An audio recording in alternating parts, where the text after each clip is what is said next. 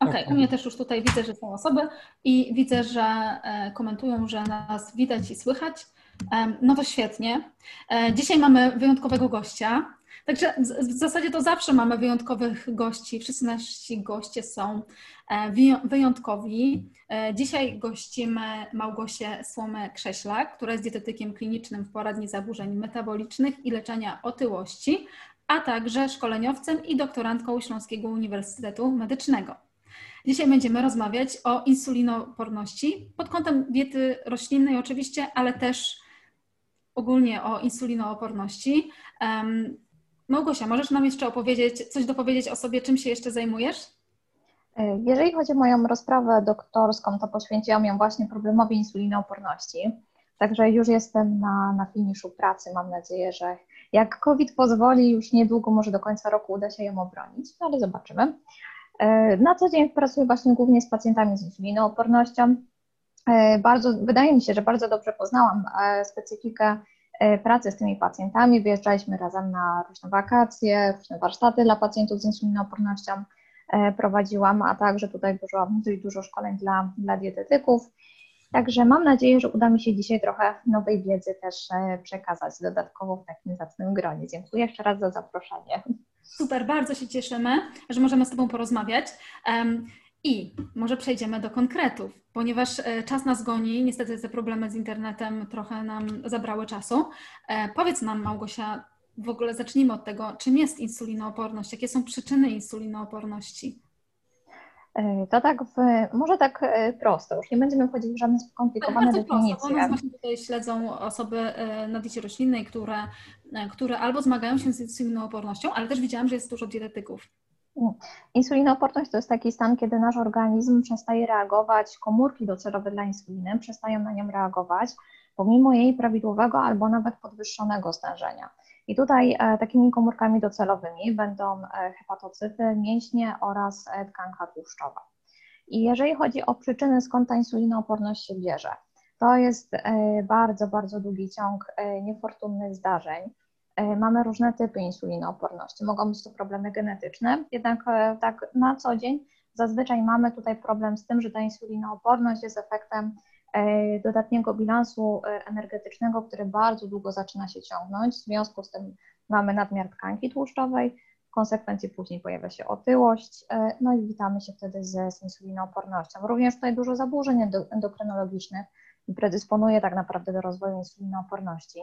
E, tutaj niedoczynność tarczycy na przykład. E, wszystkie, nawet nadczynność też tutaj będzie tych pacjentów e, kierować tak w kierunku insulinooporności. Pacjentki z zespołem policystycznych jajników, nawet wtedy, kiedy mają prawidłowy BMI, są już wtedy z góry narażone na tę insulinooporność, ponieważ ona może być u nich obniżona nawet wyjściowo o 35%. Także tutaj już są o połowę prawie E, tak e, na starcie już tutaj w gorszej pozycji niż pacjentka bez zespołu policystycznych jajników. No oczywiście cała przeszłość dietetyczna, jak to wyglądało, jakie były nawyki żywieniowe, na jakiej diecie byliśmy, czy aktywność fizyczna jest naszym przyjacielem, czy raczej jeszcze jesteśmy lwem bądź licą kanapową. To wszystko, całe nasze po prostu funkcjonowanie w ciągu dnia, to ile śpimy, czy śpimy za krótko, czy tutaj paradoksalnie, jeżeli cały czas śpimy za długo, jeżeli w ogóle są jeszcze takie osoby, to również za długi sen też będzie tutaj predysponować do rozwoju zaburzeń metabolicznych.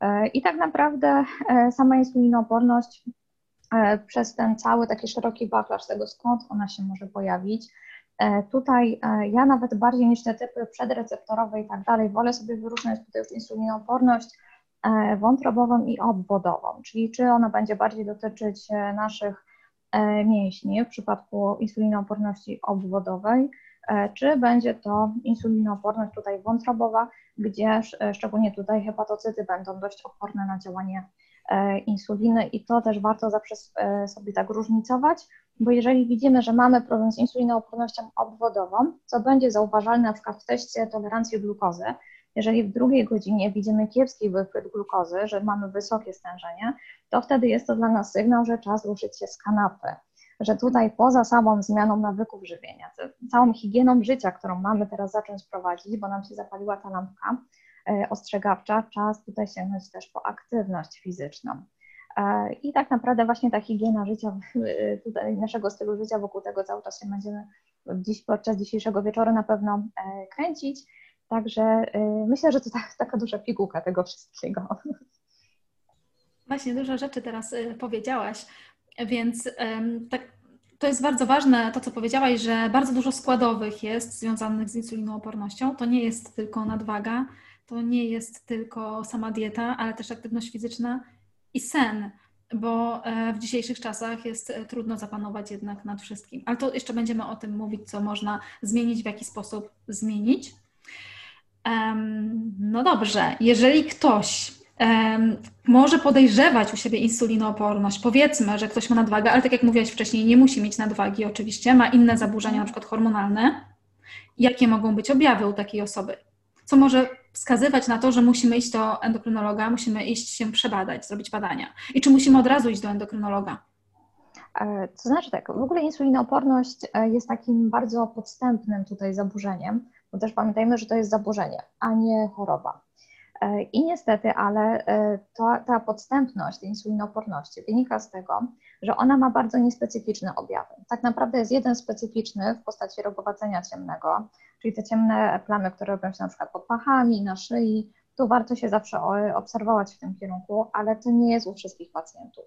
Także ta insulinooporność, ona tak tylnymi drzwiami wchodzi do naszego organizmu i tak się czai tam. Dlatego później e, co jest czasami widoczne właśnie u nas w poradni zaburzeń metabolicznych, że my pacjenta nie diagnozujemy już na przykład insulinoopornością, tylko już mamy stan przedcukrzycowy albo cukrzycę, czyli te dwa schody później, które moglibyśmy tutaj zapobiec temu, diagnozując insulinooporność, e, tego nie robimy. E, jeżeli chodzi o objawy, co pacjent może jeszcze z takich nieswoistych e, zauważyć? Po pierwsze, można byłoby je wrzucić do takiego worka, jestem zmęczony, przemęczony, i, to, z tego wynikają to, co się ze mną dzieje. I na przykład, jeżeli widzimy, że nasza masa ciała zaczyna wzrastać, czyli jakieś te spodnie robią się ciaśniejsze, tego typu rzeczy, tak powolutku, i szczególnie ta tkanka tłuszczowa gromadzi nam się w części brzusznej, to jest taki sygnał, że hmm, chyba mam predyspozycję do insulinooporności, może coś się ze mną dziać. No i tutaj e, ta tkanka tłuszczowa w tej części brzusznej cały czas się gromadzi, narasta stan zapalny, mamy tutaj predyspozycję, że insulinooporność się rozwinęła. A może teraz jeszcze z drugiej strony, mamy już coś zdiagnozowane poza insulinoopornością. Jeżeli lekarz już nam powiedział, że mamy niealkoholowe spuszczanie e, wątroby, nadciśnienie, mamy problemy z tarczycą, inne składowe zespołu metabolicznego, czyli zaburzenia lipidogramu, mamy za dużo cholesterolu LDL na przykład, stężenie triglicerydów jest bardzo wysokie. To też są takie składowe, które mogą nas już tutaj utwierdzić, że poza tym, co już tam lekarz nam napisał w rozpoznaniu, to może jednak insulinooporność też się pojawi. E, jeżeli nagle zaczyna nas ciągnąć e, non-stop na jakieś e, podjadanie po posiłkach, jeżeli mamy problem z odczuwaniem sytości, nie, nada, nie, na, nie jesteśmy w stanie się najeść takimi porcjami jak wcześniej, później po obiedzie najchętniej coś słodkiego, po każdym posiłku coś słodkiego, to też może być związane właśnie z, z insulinoopornością. E, pomiędzy posiłkami, jeżeli odczuwamy senność, e, problemy z koncentracją, e, to też będzie się wiązać tutaj z zaburzeniami gospodarki węglowodanowej. Także no, tylko z tą sennością po posiłkach, bo ona szczególnie będzie obserwowana na przykład często po obiedzie, bo to jest stosunkowo największy posiłek w ciągu dnia, który teoretycznie będziemy zjadać, E, to jeżeli e, udajemy się na taką drzemkę po takim obiedzie, to nie uważamy, że to jest problem. Po prostu wróciłem zmęczony po pracy, coś ciepłego trafiło do brzuszka, no to fajnie byłoby się położyć, trochę odespać, bo krótko spałem i tak dalej. I dlatego my tego nie zauważamy. Co więcej, nawet na poziomie diagnostyki e, badań okresowych pracy mamy sprawdzoną glukozę. Glukoza bardzo długo jest cały czas w prawidłowym stężeniu, a insulina już zaczyna szaleć, pojawiają się tutaj bardzo duże wyniki. E, ja mam taki najlepszy przykład pacjentki, która miała idealne stężenie glukozy na czczo. Miała dokładnie 75, więc lekarz jej mówił, proszę nie przesadzać, nic pani nie jest. Pacjentka jednak była otyła, e, zrobiła sobie OGTT i tutaj krzywą insulinową, bo usłyszała od koleżanki, że ta coś miała. I pani w tym teście, w tej krzywej insulinowej już po obciążeniu miała insulinę na poziomie 500. Także to już były naprawdę bardzo duże wartości, zaawansowana insulinooporność, hiperinsulinemia. E, natomiast też tutaj nie można zwalać takiej winy, w cudzysłowie winy na lekarzy, że nie diagnozują insulinooporności na podstawie badań okresowych pracy bądź POZ-u, dlatego że lekarz rodzinny nie może nam dać e, tak w ramach NFZ-u tej insuliny do zrobienia. Więc tutaj zawsze jak ktoś już ma tą glukozę, to niech sobie dokupi za te e, około tak 20-25 zł w zależności od laboratorium, a jak są takie akcje jakieś tam przesiewowe, profilaktyczne, to ta insulina zazwyczaj jest w pakiecie. No to warto sobie to dodać i wtedy też okresowo sprawdzać, czy wszystko jest tam w porządku, czy idziemy dobrą drogą żywieniową. E, I to tak w sumie, i tutaj jeszcze chciałabym zaapelować, żeby nie robić na własną rękę testu OGTT i krzywej insulinowej, jeżeli lekarz tego nie zaleca. Na, na początku do lekarza najlepiej zgłosić się z e, wynikami glukozy, insuliny na czczo, do tego powiedzieć, jakie się ma objawy i lekarz pokieruje, co robić dalej. Nie ma sensu inwestować na początku w tego typu badania, także z, i ewentualnie obciążać E, też swojego organizmu, e, czasami pijąc na przykład glukozę do OGTT trzy razy w miesiącu, bo chcemy zobaczyć, czy to, co już wprowadziliśmy przez ostatnie dwa tygodnie, zaczęło działać. Czy jeszcze sprawdzić, nieraz oczywiście są problemy, że laboratorium pomyli próbki, pobierze za mało krwi i wtedy trzeba powtórzyć ten test, ale to już jest na życzenie lekarza, także dla samych siebie robimy tylko glukozę i insulinę na czczo. Michał, czy ja? Ja? Iwona, proszę. Powiedz, że jesteś gadułą i odpowiedziałaś na następne moje tak, pytanie. Tak, ja na moje pytania też już w części odpowiedziałaś. Mam pytania do Twoich odpowiedzi. Więc tak, um, faktycznie z tą glukozą tak jest, że, um, że robimy sobie tą glukozę, znaczy może nie my, tylko pacjenci robią sobie tą glukozę i uważają, że jest w porządku. Jeżeli glukoza jest w porządku, to nie ma się do czego przyczepić, prawda? Bo też jest mniejsza świadomość na temat insuliny. Tą insulinę na czczo pacjenci mogą sobie zrobić, dokupić, a co mogłoby świadczyć o tym, że jest nieprawidłowa, bo wiemy, że wiemy, jakie są normy tej insuliny na czczo. Tam chyba do 25 jest norma, prawda? Tak, tak, do 25 do 24, tam w zależności od laboratorium. E, natomiast jeżeli insulina jest większa niż 10, to prawdopodobnie mamy problem już, który musimy zdiagnozować, ale tutaj też teraz bardzo dużo laboratoriów, od razu jak wykupujemy sobie glukozę insulinę, to ma do tego obliczenie współczynnika HOMA. I wtedy patrzymy, albo sami sobie w jakiś internetowy kalkulator wklepujemy, ich jest teraz naprawdę dość sporo. E, sprawdzamy, jaki nam wychodzi współczynnik HOMA tutaj z tego algorytmu. E, jeżeli on jest większy niż 2 bądź 2,5, bo tutaj też nie ma takich sztywnych e, zasad do tego, jaki on powinien być, niestety nie ma takich odgórnych tutaj zaleceń, ale natomiast jeżeli jest większy niż 2, to wtedy udajemy się do lekarza i do całego reszty tutaj zespołu specjalistów, żeby zacząć się E, leczyć. Chociaż też się zdarza, tak, jeszcze uprzedzając, że czasami e, lekarze na przykład albo laboratorium korzystają jeszcze z innego wzoru na współczynnik HOMA, gdzie wtedy dla niego normą jest tak 0,7 pomiędzy 0,7 a 1. Także tutaj, jeżeli tak jest na wypisie z laboratorium, to wtedy tam jest określone, czy jest to niska insulinooporność, oni sobie jakoś tak to teraz dzielą, ale jeżeli lekarz powie na wizycie, że ma Pani HOMA 1-2 i zaleci leczenie, i pacjentka pójdzie wtedy na jakąś grupę wsparcia i zapyta, lekarz, y, mam homa 1-2 według lekarza, dał mi metforminę, to wszyscy, ale ty przecież nie masz insulinooporności, co to za lekarz ci dał? może do tego przejdziemy.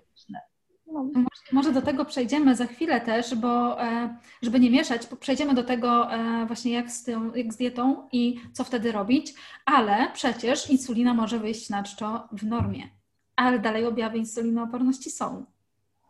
To znaczy, że ona wyjdzie w tej normie laboratoryjnej e, do tych 24, ale powyżej 10. Poniżej 10 powiedzmy.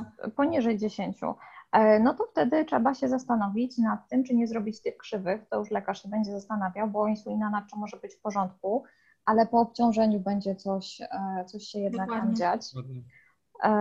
Tak, no, ale to już jest tutaj kwestia zawsze wtedy lekarza. Natomiast sam ten wynik to nas tutaj nie upoważnia do tego, żeby myśleć o sobie, że insulinooporność nas nie dotyczy, jeżeli mamy wszystkie jej objawy. No bo tutaj, tak jak mówisz, no warto spojrzeć na to, że leczymy pacjenta, a nie same wyniki, więc i tak musimy zwrócić uwagę na inne także rzeczy. Czyli Dokładnie. Też to, jeżeli ta insulina na czczo wychodzi w normie, ale mamy cały czas objawy, poszukujemy dalej przyczyny. Ponieważ rozmawiamy o diecie roślinnej, to tutaj jeszcze to zmęczenie i te różne problemy mogą być związane z niedoborem B12, ale nie będziemy e, tutaj o tym mówić, bo nie mamy za dużo czasu. E, no dobra. Czy coś jeszcze do diagnostyki dodajemy, Michał? Nie, ja myślę, że możemy przejść do tego, co najbardziej chyba interesuje naszych słuchaczy, czyli po prostu do tak. żywienia. Czyli wchodzi ta pacjentka w grupę, e, czy gdzieś tam na forum, sprawdza i co ma teraz zrobić. Jak, e, i tak, i może się, i ta pacjentka szuka informacji, dobrze, to co teraz, jak ma wyglądać moja dieta? Jeżeli pacjentka Czyli... zaczyna swoją podróż z insulinoopornością od internetu i wszystkich por, to ja już, i, nie już serduszko mnie boli, już wiem, że jest mi przykro z powodu tego. Będzie źle. To ona przeczyta, jakie to będą skrajnie różne podejścia, po prostu i potem pacjentka trafia do dietetyka z zupełnym chaosem w głowie. Okazuje się, że tutaj nie ma nic spójnego. Jedni mówią, taka dieta, wyeliminuj to, tego nie można kwestia jakichś takich podstaw, to, to, można sobie gdzieś tam wyłuskać z tych informacji, natomiast w tym takim narastającym szumie informacyjnym tego, co jest propagowane w, w insulinoporności, to jeżeli nie jest się gdzieś tam związany jednak z tutaj z, z takim podejściem trochę bardziej naukowym i takim z dystansem, to naprawdę można się tutaj złapać za głowę, jak się chociażby wpisze hasło insulinooporność na, na YouTubie czy, czy gdziekolwiek, tak? Mamy skrajnie różne podejścia, różne modele żywieniowe i ciężko tutaj pacjentom jest sobie to wypośrodkować. E, już nie mówiąc o tym, ile koncepcji jakieś e, koleżanki na forach będą mieć tak. na daną pacjentkę. I każdy tak, przez, przedstawi... Tylko... Mów mi, Proszę. Tak, to, dobra, to ja powiem, że my dzisiaj tylko o takich naprawdę udowodnionych naukowo rzeczach mówimy, tylko o takich faktycznie, które działają i które można zastosować i, e, no i takiej prawdziwej diecie dla wszystkich osób. Kto nie szuka informacji w internecie po wyjściu od lekarza? Czy są takie osoby w ogóle? Chyba nie ma. Więc dobrze, jeżeli ta osoba trafi do dietetyka, szczególnie takiego wyspecjalizowanego w danej chorobie, w danej przypadłości, tak jak ty. I może zacznijmy od tego, jak ugryźć tą dietę. Może zacznijmy od tego, ile posiłków w ciągu dnia powinno się jeść, jeżeli już e, ta insulinooporność jest zdiagnozowana, od czego to zależy, e, bo na pewno od czegoś to zależy, prawda? I e, jak te posiłki powinny wyglądać. Może zacznijmy od tego, ile posiłków powinno się jeść. E, dobrze, to chyba tutaj nie odkryję Ameryki, bo powiem, że to zależy. I teraz zależy to od tego. Przede wszystkim, jak, ile nasz pacjent jadł posiłków wcześniej. E, jak on się czuje po tych posiłkach, czyli e, czy mamy dodatkowo poza tą insulinoopornością, na przykład hipoglikemię, bo jeżeli mamy tutaj duże spadki cukru, a hipoglikemia naprawdę bardzo często insulinooporności e, tutaj towarzyszy, no to też szkoda, żeby nasz pacjent się męczył na przykład na trzech posiłkach, kiedy zalecane będzie pięć lub więcej, w zależności od tego, jak mhm. będzie się tutaj czuł. Jeżeli widzimy na przykład że nasz pacjent e, lubi mieć duże objętościowo posiłki, bo to też się sprawdza, że na przykład jak mamy e, jakąś kaloryczność diety ustaloną dla kobiety na przykład, także to nie są jakieś e, zazwyczaj zawrotne ilości 2000 i więcej kalorii, tak, na przykład, no to powiedzmy, że mamy taką dietę na 1800, czasami nawet więcej, jak mamy zupełnie nieaktywną fizycznie pacjentkę, to wtedy na przykład lepiej jest zredukować liczbę posiłków na rzecz ich objętości żeby to nie były takie małe przekąski e, po 200, po 300 kilokalorii, tylko taki naprawdę duży, konkretny posiłek i tutaj nawet jeżeli nasza pacjentka e, stwierdzi, że chce jeść trzy posiłki w ciągu dnia, e, da radę tutaj przy swojej kaloryczności zrealizować to zapotrzebowanie, no to wtedy w porządku możemy tutaj te trzy, trzy posiłki wprowadzić. No chyba, że jest taki poglikemia, no to wtedy jednak tutaj ta stabilizacja poziomu glukozy będzie troszeczkę bardziej bardziej istotna. E, zależy jeszcze, co nam wyjdzie na przykład w krzywej insulinowej. Jeżeli tam są bardzo duże wyniki e, po obciążeniu, na przykład w drugiej godzinie insulina zamiast spadać, zaczyna jeszcze rosnąć, to możemy zastanowić się, czy nie zrobić większych odstępów pomiędzy posiłkami. No ale generalnie to takie standardowe podejście posiłek co 4 godziny jest tutaj jak najbardziej w porządku. Na ilość ciężko to trochę przełożyć, bo każdy będzie miał inaczej dobę rozpisaną, tak? Jeżeli ktoś ma naprawdę od 6 rano do 23 cały czas jest na nogach, no to tutaj ta ilość posiłków, nawet jak zrobimy co 4 godziny, będzie zdecydowanie większa. Ale tutaj z tymi posiłkami to jest najważniejsze, żeby zobaczyć, e, jak pacjent po prostu jaki ma odbiór. Czy woli jeść mniejsze porcje częściej, nie czuje się przy tym źle, nie ma tych zjazdów energetycznych, e, nie ciągnie go na słodkie E, no to tutaj kwestia po prostu obserwowania, nauczenia pacjenta, jak obserwować swój organizm i swoje samopoczucie. I niekoniecznie to, że nagle podczas stosowania tych zaleceń e, chciało mu się spać po obiedzie, to będzie wynik na przykład źle skomponowanego obiadu, tylko może być to kwestia, że po prostu gorzej spał w nocy. Więc wszystkiego też na tą insulinooporność e, i ewentualnie złą dietę nie powinniśmy zwracać. Tak? Tutaj tak. po prostu patrzymy systematycznie, co się dzieje i też patrzymy uczciwie, że e, no, ten maraton seriali na Netflixie trochę mi się przeciągnął, więc może dlatego idę teraz spać po południu. Także tutaj obserwacje e, i też słuchanie swojego organizmu, żeby się nauczyć, czy wolę jeść większe porcje, ale w mniejszej ilości posiłku, bo się wtedy jestem bardziej najedzony, nie ciągnie mnie na, na słodycze. E, czy, czy jednak na przykład pięć posiłków, bo duże porcje zupełnie nie są dla mnie, a nie mam na tych e, żadnych zjazdów energetycznego, e, energetycznych, słabego poczucia. Także obserwujmy siebie i po prostu, ale to jednak uniwersalne, cztery posiłki co cztery godziny sprawdza się u większości e, pacjentów, bo też miejmy na uwadze, że takie większe kaloryczności, szczególnie dla mężczyzn, w formie trzyposiłkowej już będą ciężkie do zjedzenia. Tak. tak? Także. Z... na diecie roślinnej, kiedy jest bardzo dużo błonnika, a do tej diety jeszcze przejdziemy. Znaczy super no, jest, to powiedziała. My znowu tak. Ja już przepraszam, ale ja już po prostu, ja muszę tutaj pilnować tempa i tego, co chcemy osiągnąć dzisiaj, o wszystkim powiedzieć. Jak już rozmawialiśmy, rozmawiamy o tym, że ilość posiłków, kwestia indywidualna i tym podobne. Okej, okay. na forach ludzie bardzo często czytają, masz insulinooporność, dzień powinieneś zacząć od śniadania białkowo-tłuszczowego. No właśnie, czy śniadanie pełnowartościowe, czy śniadanie tylko e, białkowo-tłuszczowe, chociaż tutaj też E, jakie z tego mogą być korzyści, jakie zagrożenia i czy w ogóle jest taka potrzeba? To znaczy tak, e, generalnie znowu wracamy do tego indywidualizacji tutaj postępowania dla danej osoby, bo tu nie ma jednej słusznej drogi. Chociażbyśmy chcieli zrobić, to tego po prostu nigdy nie będzie. Musimy patrzeć na pacjenta, jego możliwości, na zasoby, z którymi do nas przychodzi. Nad śniadaniami białkowo-tłuszczowymi możemy się zastanowić na przykład, kiedy pacjent ma bardzo wysoką E, insulinę naczczą, tutaj na przykład jeżeli ta insulina jest powyżej 30, e, to wtedy sprawdzamy samopoczucie pacjenta i to, jak e, długo to śniadanie mu zapewni też sytość. Bo są pacjenci mimo wysokiej insuliny naczczo, którzy nie mogą mieć śniadań białkowo-tłuszczowych, bo dwie godziny później są zaraz głodni. No i tu jakby cały sens tego śniadania białkowo-tłuszczowego też się wtedy gdzieś tam traci. Albo jeszcze inaczej, są tak przeładowani tłuszczem na przykład ze śniadania, że zaczynają się problemy na przykład e, jelitowe, to znaczy zaczynają się pojawiać biegunki, a oni tak są już e, obciążeni biegunkami przez na przykład e, powikłania przyjmowania metforminy przez pierwsze dwa tygodnie. Także tutaj na takim początku drogi to w początku leczenia farmakologicznego raczej bym nie zalecała śniadań białkowo-tłuszczowych, bo wtedy nie będzie wiadomo, czy to metformina, czy śniadanie białkowo-tłuszczowe nam nie służą. Tak, Jeżeli... a do tego jeszcze koncentracja węglowodanów, prawda, w kolejnych posiłkach. No tak, bo gdzieś te węglowodany ze śniadania musimy potem pakować do kolejnego, więc tutaj a, znowu już patrzymy, co, co komu po prostu tutaj pasuje. E, no i kwestia tego, że jeżeli mamy śniadanie białkowo-tłuszczowe, e, to niestety koncepcja bilansu energetycznego e, bez tutaj dokładnego obliczania będzie ciężka, bo tutaj jak się pacjent postara, to u mnie rekordzistka, która przyszła z dzienniczkiem żywieniowym i właśnie jadła śniadanie białkowo-tłuszczowe, to pani na śniadanie miała 1200 kalorii. E, tak.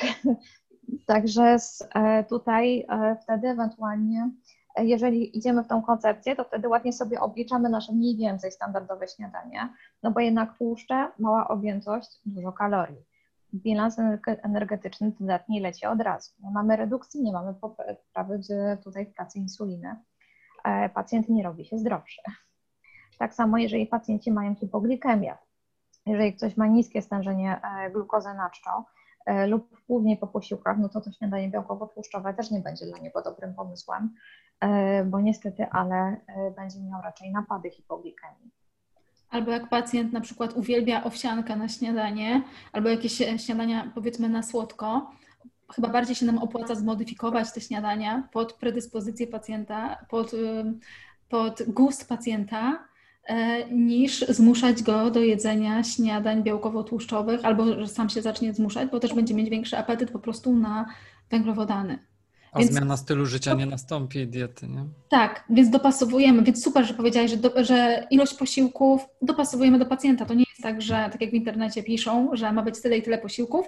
Nie, dopasowujemy do siebie, bo łatwiej jest nam takie e, zalecenia po prostu wdrożyć. Śniadania dopasowujemy do siebie. Sprawdzamy skład posiłków. O tym będziemy zaraz jeszcze, e, jeszcze trochę powiemy o tym w, e, w kontekście diety roślinnej. Jeszcze muszę jedną rzecz zadać, jedno pytanie Tobie zadać, ponieważ to jest bardzo modne teraz w kontekście tych posiłków. Posty przerywane. O, bardzo dobre pytanie. E, to, to ja zapytam, jakie posty? O którym wariancie mówimy? Bo ich jest dużo. Generalnie tak, e, przerwa taka 12-godzinna od kolacji do śniadania to jeszcze nie jest zły pomysł, ale w momencie, kiedy. No, mhm. teoretycznie tak, w praktyce tak. niekoniecznie. Także natomiast też się spotkałam, że właśnie jak ktoś ma 12 godzin przerwy, to już mówi, że jest na poście przerywanym. E, natomiast te warianty, kiedy na przykład mamy okienko 4-godzinne, no to nie, to ja jestem tutaj e, niestety na nie. E, tutaj często pacjentki piszą, szczególnie na forach, przeszłam na post przerywany, szczególnie ten wariant 4-godzinny, zaczęłam chudnąć. Ale to po prostu wynika z tego, że łatwiej w ciągu tych 4 godzin jest zrobić sobie ten deficyt energetyczny ujemny, tak? Bo przez te 4 godziny nie przejemy tyle, ile jedliśmy wcześniej od 8 do 22. Także no tutaj po prostu ta matematyka gdzieś się będzie bardziej też e, spinać. E, pacjent też będzie jeść bardziej uważnie, powie, że ma tylko 4 godziny, no ale co, co z tego, tak? To nie jest ta zmiana na stałe, a przy insulinooporności zmieniamy się na stałe, a nie na chwilę. Nie będziemy całe życie jeść tylko w ciągu czterech albo e, już tak zupełnie tak hardkorowo w ciągu dwóch godzin na przykład. Ani to nie będzie zdrowe e, dla trzustki, bo nagle będzie musiała przerobić całą normę całego dnia w ciągu dwóch godzin. W związku z tym po takim gigantycznym posiłku będzie też bardzo duży wyrzut insuliny, bo e, tutaj ile insuliny się będzie wydzielać zależy też od składu e, i objętości posiłku. E, także to będzie zawsze proporcjonalnie większe niż sobie to rozbijemy na przykład na 3-4 posiłki. Też gdzieś tak pojawiały się jakieś prace, tylko tutaj nie jestem w stanie konkretnych pozycji przytoczyć, że też te takie skrajne posty przerywane prowadziły do zaburzeń odżywiania. I też na przykład widzę to po moich pacjentkach, które trafiają właśnie po, po takich dietach, które polegały tutaj na tym poście przerywanym, że na przykład miały dwa posiłki, że one zupełnie nie mają żadnych dobrych nawyków żywieniowych, e, to już są na etapie nieraz, że wolą w ogóle nie jeść, e, bo też czasami te posty przerywane to od razu gdzieś tam dieta ketogeniczna zaczyna wpadać gdzieś tam bokiem. E, no bo tych węglowodanów też w ciągu dwóch godzin się nie da po prostu tyle zjeść ze względu na objętość. Łatwiej się je znaleźć jakimiś tam białki, produktami białkowo-tłuszczowymi, niestety. Także post przerywany, 12 godzin przerwy pomiędzy kolacją i śniadaniem na zdrowie dla wszystkich, jak najbardziej, ale te większe tutaj już wartości, właśnie te 4 godziny, 2 godziny, to mm, nie ma to też wielkiego teraz powiedzmy jakiegoś podłoża w też w badaniach naukowych, że to jest skuteczne. To jest droga, która będzie dawać spektakularne efekty.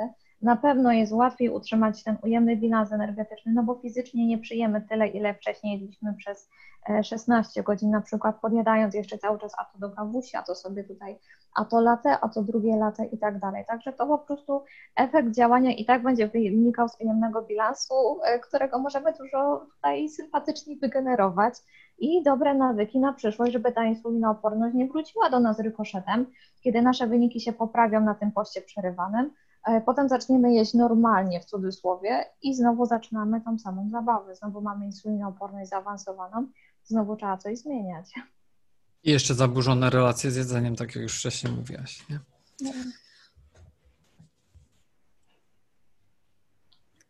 Przechodzimy do następnego topiku naszego. Przechodzimy do następnego. Jak już mówimy o, o tym właśnie obniżonym bilansie energetycznym, to może przejdziemy do diet roślinnych, bo, bo też e, jest już późno. Więc e, jak to jest z tymi dietami roślinnymi, Gosia, czy ty masz pacjentów na diecie wegetariańskiej czy e, wegańskiej z insulinoopornością i czy, czy jesteś za takimi dietami? Y, moi pacjenci mi mówią, że ja ich e, tutaj e, tak wyganicuję. I to tak nie, nawet nie celowo, tylko po prostu na początku zawsze ograniczamy mięso, tak? Z, z różnych względów, e, chociażby tutaj dla, dla planety, tutaj też chcemy troszeczkę dobrze zrobić.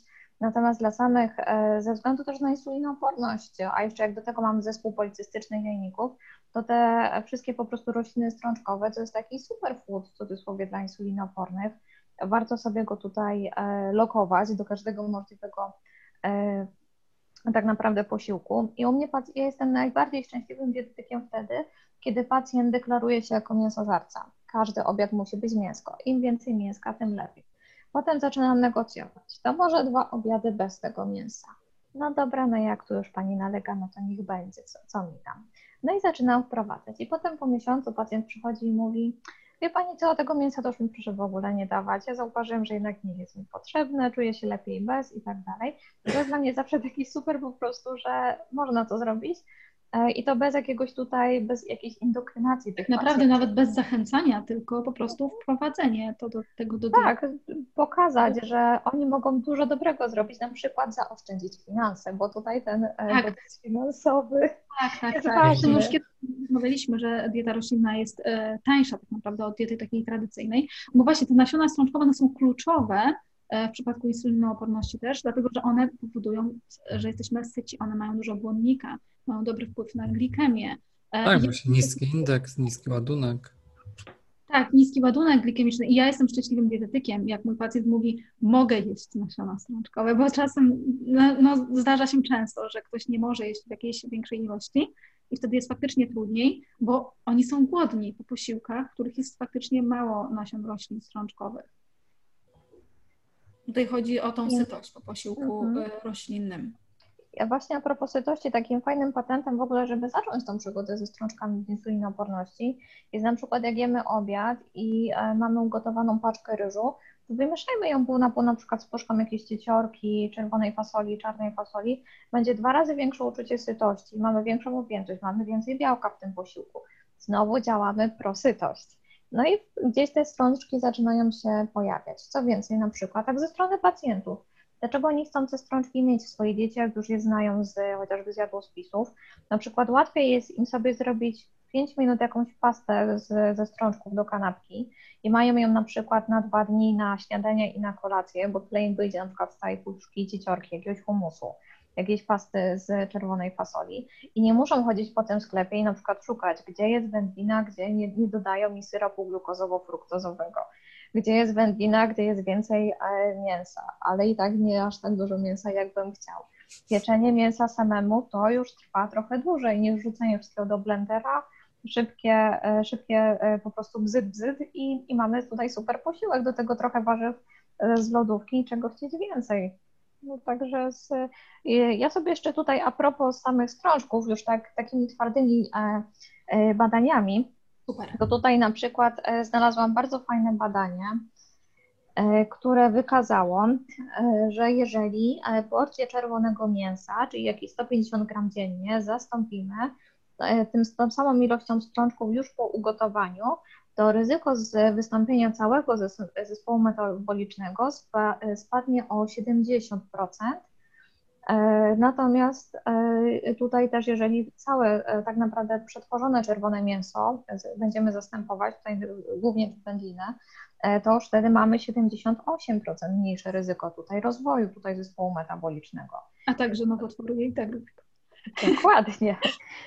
tak naprawdę ciężko by było znaleźć, dlaczego pacjenci z insulinoopornością nie powinni jeść strączków, niż je jeść. Także tutaj też. O, właśnie. A w internecie jest bardzo dużo też takich mitów. E, właśnie ja często mam pacjentów, którzy przychodzą do mnie i mówią, że ktoś im powiedział, albo nie chcę powiedzieć, że dietetyk inny, ale ktoś powiedzmy jakiś e, albo specjalista, albo bloger, albo ktoś, że musi jeść mięso, jeżeli jest na diecie, znaczy nie może być na diecie roślinnej, bo to jest dieta wysokowęglowodanowa, że musi jeść mięso, e, że musi jeść właśnie te śniadania białkowo-tłuszczowe, jak już tak. Michał wcześniej wspomniał.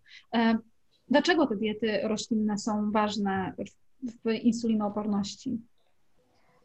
Też jeszcze a propos tego, co powiedziałaś z tym mięsem, że tak e, ludziom się mówi, musicie, musicie, to wręcz to jest, e, jak zaczynam pracę z pacjentem z insulinoopornością, to zawsze ich chociażby proszę o to, żeby oznaczyli swój kwas moczowy, bo zazwyczaj większość pacjentów z rozwiniętym zespołem metabolicznym albo samą insulinoopornością ma ten kwas moczowy podniesiony. I potem jak zaczynają coraz więcej tego mięsa jeść, no bo mięso ma zerowy indeks glikemiczny, zazwyczaj jest takie uzasadnienie, no i to leci na każdy z możliwych po prostu posiłków. E, potem zaczynają boleć stawy, pojawia nam się cała dna moczanowa. Zanim pacjent się zorientuje, że może, może to, że bolą mnie stawy i nie chce przez to się ruszać, czyli znowuż robię sobie krzywdę w insulinooporności, jest związane z tutaj z, e, z zbyt dużą ilością przetworzonych tutaj produktów mięsnych i nie tylko, to dużo czasu mija. Także u, u większości moich pacjentów zaczynamy też pracę, bo y, tutaj obniżania tutaj kwasu moczowego przez większą ilość strączków na przykład. Także to, to naprawdę trzeba na to patrzeć. Możemy mieć insulinooporność, zespół metaboliczny, dnę moczanową i ryzyko podwyższone nowotworu jelita grubego, e, jedząc właśnie te przetworzone produkty. E, natomiast, bo jeszcze, jeszcze o żelazie hamowym chciałaś powiedzieć. Tak. tak troszeczkę to już wyszło a propos tego obniżenia tego czerwonego mięsa, e, ale z kolei e, tutaj też mam takie bardzo fajne badania. Jeżeli ktoś by chciał później jakiegoś linka do tych badań, to możecie tam śmiało na dyskusji na Facebooku e, pytać, będę podrzucać konkretne linki. I tutaj już sobie szukam odpowiedniego punktu, bo mam tego strasznie, strasznie dużo. Trochę przeszalałam. I już mm, mm, mm, Tutaj mamy z tym czerwonym mięsem i tutaj ogólnie mamy e, wyjaśnione, że nadmiar żelaza gromadzony jest w wątrobie, co z kolei będzie nam zakłócać metabolizm glukozy, powodując hiperinsulinemię. Czyli jeżeli mamy szczególnie problem po obciążeniu z, z, z insuliną, to warto jest tutaj te nadmiary żelaza tutaj, e, e tutaj ograniczać. E, co więcej, tutaj e, tak zaczyna się podejrzewać, że nadmiar żelaza chemowego będzie tutaj prowadził po prostu do dysfunkcji komórek beta trzustki. No jak mamy problem z trzustką, mamy problem po prostu z, e, tutaj z, z insuliną. Dlatego to przeładowywanie się tym żelazem chemowym też też by z tego powodu nie będzie tutaj e, zalecane. No i z kolei te główne źródła żelaza chemowego będą też zawierały dość sporo nasyconych kwasów tłuszczowych, a nasycone kwasy tłuszczowe to jest znowuż potęgowanie insulinooporności. My tak w ogóle kręcimy się tak troszeczkę z, z drugiej strony, bo zazwyczaj jak mówi się o diecie w insulinooporności, to jest węglowodany złe wszystko, co złe w insulinooporności węglowodan, my tutaj teraz tak wokół białka i tłuszczu zaczynamy kręcić zupełnie inaczej niż, niż to szczególnie po różnych forach e, można poczytać. Także nadmiar nasyconych kwasów tłuszczowych. No i znowu tutaj mamy, dlaczego strączki są fajne w insulinooporności, tak? Bo tutaj będziemy mieć dużo e, nienasyconych kwasów tłuszczowych, które będą prowadzić też naszą mikrobiotę jelitową. I znowu wygrywamy walce z insulinoopornością. Też się poprawia transport e, glukozy do komórek, bo zwiększa nam się poziom GLUT4. Także z, wszyscy insulinooporni powinni przynajmniej dwie porcje strączków dziennie zjeść, a zaczynać e, redukować e, mięso, bo wcale to mięso przez to, że ma niski indeks glikemiczny, nie będzie tutaj powodować na stałe jakiejś e, poprawy. Tutaj pamiętajmy o tych kwasach tłuszczowych. One tutaj są głównie odpowiedzialne za, za rozwój insulinooporności, a nie tutaj niekoniecznie węglowodany. Także nie bójmy się ich w diecie. To ile tych węglowodanów w tej diecie może być? Yy, E, e, dobra, to polecimy procentowo, żeby było łatwiej. Tak, właśnie tak? taki procent białka, tłuszcze, węglowodany, właśnie jak ta dieta mogłaby wyglądać? Ile węglowodanów może stanowić w diecie? Energii no, Tutaj to was... może zdziwić, czuję. tak, albo ja do, teraz będę dostawać po, pro, ten, pogróżki, że tutaj ludzi zachęcam do jedzenia węglowodanów. E, jeżeli chodzi o procenty, to tak pomiędzy 40 a 60%. Tyle mniej więcej ich wypada w E, w dziennej racji pokarmowej. Tutaj oczywiście ich podaż będzie zależeć też od naszej aktywności fizycznej albo od tego, jaki mieliśmy procent wyjściowy, bo jeżeli cały czas mieliśmy dużo e, białek i tłuszczy, bo jechaliśmy właśnie jakimś postem przerywanym, śniadania białkowe i tłuszczowe przyciągały się na cały dzień, to też te porcje będziemy ze względu na dużą ilość błonnika powolutku tutaj zwiększać, ale w każdym posiłku dobrą praktyką jest, żeby jakiś węglowodan e, złożony się pojawił. W przypadku na przykład bardzo aktywnych osób spokojnie nawet można dać 55% węglowodanów, też to nie będzie żaden, e, żaden problem, ale taką tak standardowo zaczyna się zwykle od 50-45% e, tutaj udziału węglowodanów w tej dziennej racji pokarmowej. Jeżeli chodzi o białka, no to tutaj już mamy dość duże widełki. Jak, jakby to można było ustalić, bo to będzie też zależeć od tego, czy nasz w jakim wieku jest nasz pacjent. E, u osób starszych też nie będziemy chcieli w te górne widełki tutaj białka, żeby nerek nie obciążać, chyba że pacjenci już mają problem z nerkami. Także tutaj dostosowujemy to cały czas do wyników badań. E, niemniej jednak białko nam tutaj daje e, dobre uczucie sytości. E, białko będzie pielęgnować w cudzysłowie naszą masę mięśniową, bo im więcej mięśni mamy, tym więcej punktów do przyłączenia się insuliny, czyli zmniejsza nam się stężenie insuliny w, w krwiobiegu, mamy mniejszą insulinooporność.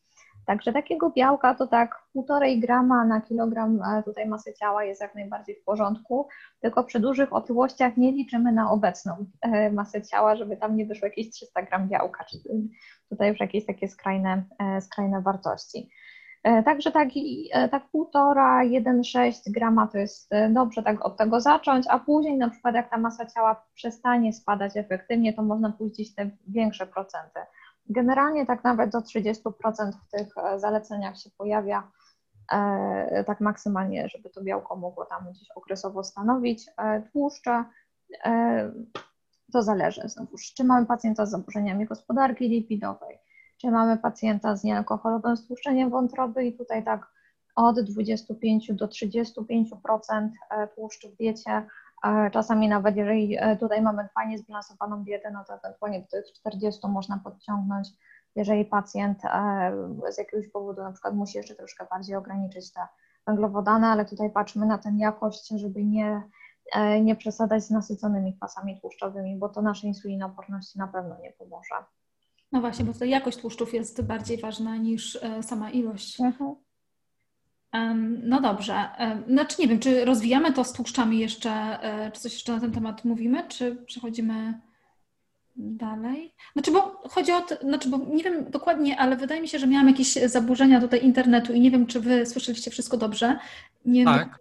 Aha, dobra, to u mnie było e, jakieś przyćmienie i nie słyszałam całości tego, co niestety, co mówiłaś o białkach. Natomiast co do jakości tłuszczów, czy tutaj skupiamy się głównie na tych tłuszczach jednonienasyconych, wielonienasyconych omega-3 w przypadku zaburzeń lipidowych? Mm, ogólnie na przykład suplementacja omega-3 też gdzieś tam w badaniach się pojawia, szczególnie jeżeli mamy problem z, z tą insulinopornością obwodową. To wtedy dodanie omega-3 do diety, nawet w formie suplementów, tutaj e, dość fajnie poprawiało insulinoprażliwość. Także jeżeli chodzi o sam e, kwestię tłuszczu w diecie naszego pacjenta, to patrzymy na jakość, żeby to były przede wszystkim tłuszcze roślinne, a nie żeby e, nie smarować nawet najlepszej jakości chleba o najlepszym po prostu składzie e, smalcem i na to jeszcze sobie dawać mozzarellę i jeszcze troszeczkę szyneczki tłustej. To nie, takich tłuszczy nie chcemy. Dokładnie. E, te kwasy omega-3 też w przypadku podwyższonych e, trójglicerydów tutaj bardzo dobrze się sprawdzają, prawda? I cholesterolu, szczególnie tak, LDL. Tak. Szczególnie jak jest Dobrze, alkohol bez tłuszczenia. Wątroby ale nie każde tak. tłuszcze roślinne, jeszcze musimy dodać, że nie każde tłuszcze roślinne będą dobre, bo musimy uważać na te utwardzane kwasy tłuszczowe, trans. Akurat te będą bardzo złe. E, no dobrze. To przejdźmy może w takim razie do tych węglowodanów, bo no Właśnie, już jest po 21, a my nie wiemy, czy musimy opierać swoją dietę na e, posiłkach bez owoców, bez, e, znaczy o niskim indeksie glikemicznym, czy banany są złe, czy możemy jeść owoce i tak dalej. No właśnie, też tutaj akurat Iwona mi to po prostu z ust wyjęła, dlatego że właśnie bardzo doskonale sobie zdajemy sprawę y, z wartości odżywczych owoców, a jednak ten przesąd w insulinooporności jest taki, że owoce nie, a zwłaszcza gdzieś tam samodzielne y, i tym podobne, więc Gosia, Czy jak to jest? Tak, że osoby, które jedzą więcej warzyw i owoców mają niższe ryzyko insulinooporności, więc hej. No, To jest ten paradoks tych owoców, ale a propos tych samodzielnych pomiędzy posiłkami, to Michał odkopałeś moją bardzo dużą traumę życiową. ja się nawet domyślam, którą. Po prostu kiedyś e, mój jadłospis taki przykładowy dla insulinoopornych został e, udostępniony i tam było jabłko bez orzechu, bez źródła białka i po prostu prawie zostałam spalona na stosie owoce bez niczego pomiędzy posiłkami, po prostu zamach, zamach na insulinooporność. Tak. Jak mogłaś? To się będzie za mną ciągnąć. Ja dalej to pamiętam, ale no, cóż zrobić. W każdym razie insulinooporność i owoce. Tak, trzeba jeść owoce. Ale tutaj już właśnie pana zaczęłaś mówić o tym, dlaczego. Natomiast to jest ten paradoks e, owoców, że e, nawet to, że one nam się kojarzą, fruktoza, cukier, to niekoniecznie będzie złe, bo mamy witaminy, antyoksydanty, polifenole, antocyjany, które są tutaj takim też naszym zapleczem do walki. To jest bardzo ważne w przypadku żelaza niechemowego, tak, żeby dołączać te produkty do diety. Dokładnie, także z witaminą C. Plus owoce znowuż e, czasami są nam w stanie zastąpić dużo słodkich posiłków, tak? Jak sobie zrobimy jakiś tam fajny, fajny deser z, z owocami, jakiś tam na przykład jogurt, wrzucimy do tego owoce, jakieś płatki owsiane, na przykład, żeby mieć źródło, e, źródło błonnika jeszcze dodatkowe. Do tego na przykład orzechy, żeby wyrobić tą profilaktykę wszystkich chorób, te 30 gram orzechów.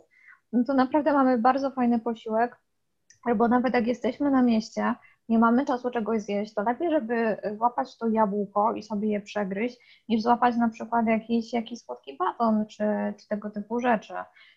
To spokojnie ten owoc pomiędzy posiłkami niczego złego nie zrobi, chyba że ktoś ma na przykład bardzo złe samopoczucie. Jeżeli je same owoce pomiędzy posiłkami, no to wtedy ok, to jest już indywidualne postępowanie, że to nie jest dla niego.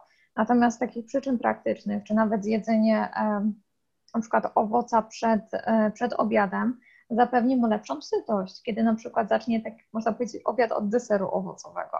No może lepiej się tym naje. Także i nie ma też magicznej godziny, do której można jeść owoce. Także owoc zawsze jest owocem i bez tutaj żadnych e, już jakichś tam zawirowań. Także owoce jak najbardziej, szczególnie owoce jagodowe, czyli niestety kończy nam się sezon. E, natomiast wszystkie truskawki, tak, dokładnie, można było brodzić. Truskawki, jagody, e, borówki, jakieś porzeczki, tego typu rzeczy naprawdę są super dla, dla osób z insulinoopornością, mają duże właściwości przeciwzapalne i, i warto je włączać e, do diety jako nawet tą przekąskę pomiędzy posiłkami, jeżeli jesteśmy przyzwyczajeni, że coś tam dziubiemy, no to zacznijmy małymi kroczkami. Pamiętajmy, że insulinooporność to jest taki, e, te początki diety w insulinooporności to jest taki start w przyszłość, więc e, to tak jak zaczynamy biegać, nie lecimy od razu na ultramaraton po górach siedmiodniowy, tylko na początku uczymy się jak należy biegać, powolutku, najlepiej jeszcze z trenerem, e, żeby nie zrobić sobie krzywdy. Zaczynamy od marszu, od spaceru, i potem dopiero uczymy się biegać. Nie można zrobić tak, że teraz wszystko wywracamy do góry nogami. Jesteśmy skrajnie ortodoksyjnie w tej diecie, czyli jest czarne albo białe, nie ma nic pomiędzy, dlatego że to nas poprowadzi może dwa, może trzy miesiące, jak to się wytrwały pół roku, ale potem to wszystko odrzuci, bo to będzie zbyt męczące psychicznie. My i tak mamy stresujące życie, więc po co sobie jeszcze tutaj dokładać takiego ortodoksyjnego podejścia i umartwiania się tym, że zjadłem, e, zjadłem owoc bez orzechów przerwałem stosować dietę, no dobra, pójdę zjeść kawałek ciasta, bo i tak już nie trzymam tej diety. I to się cały czas tak strasznie napędza po A prostu. ponieważ jest środa, to zacznę znowu od poniedziałku. Od poniedziałku. Czyli tak, nie boimy się węglowodanów. Źródło błonnika, źródło witamin z grupy B, magnezu, cynku, żelaza niechemowego, e, co jest bardzo ważne w przypadku diety roślinnej szczególnie.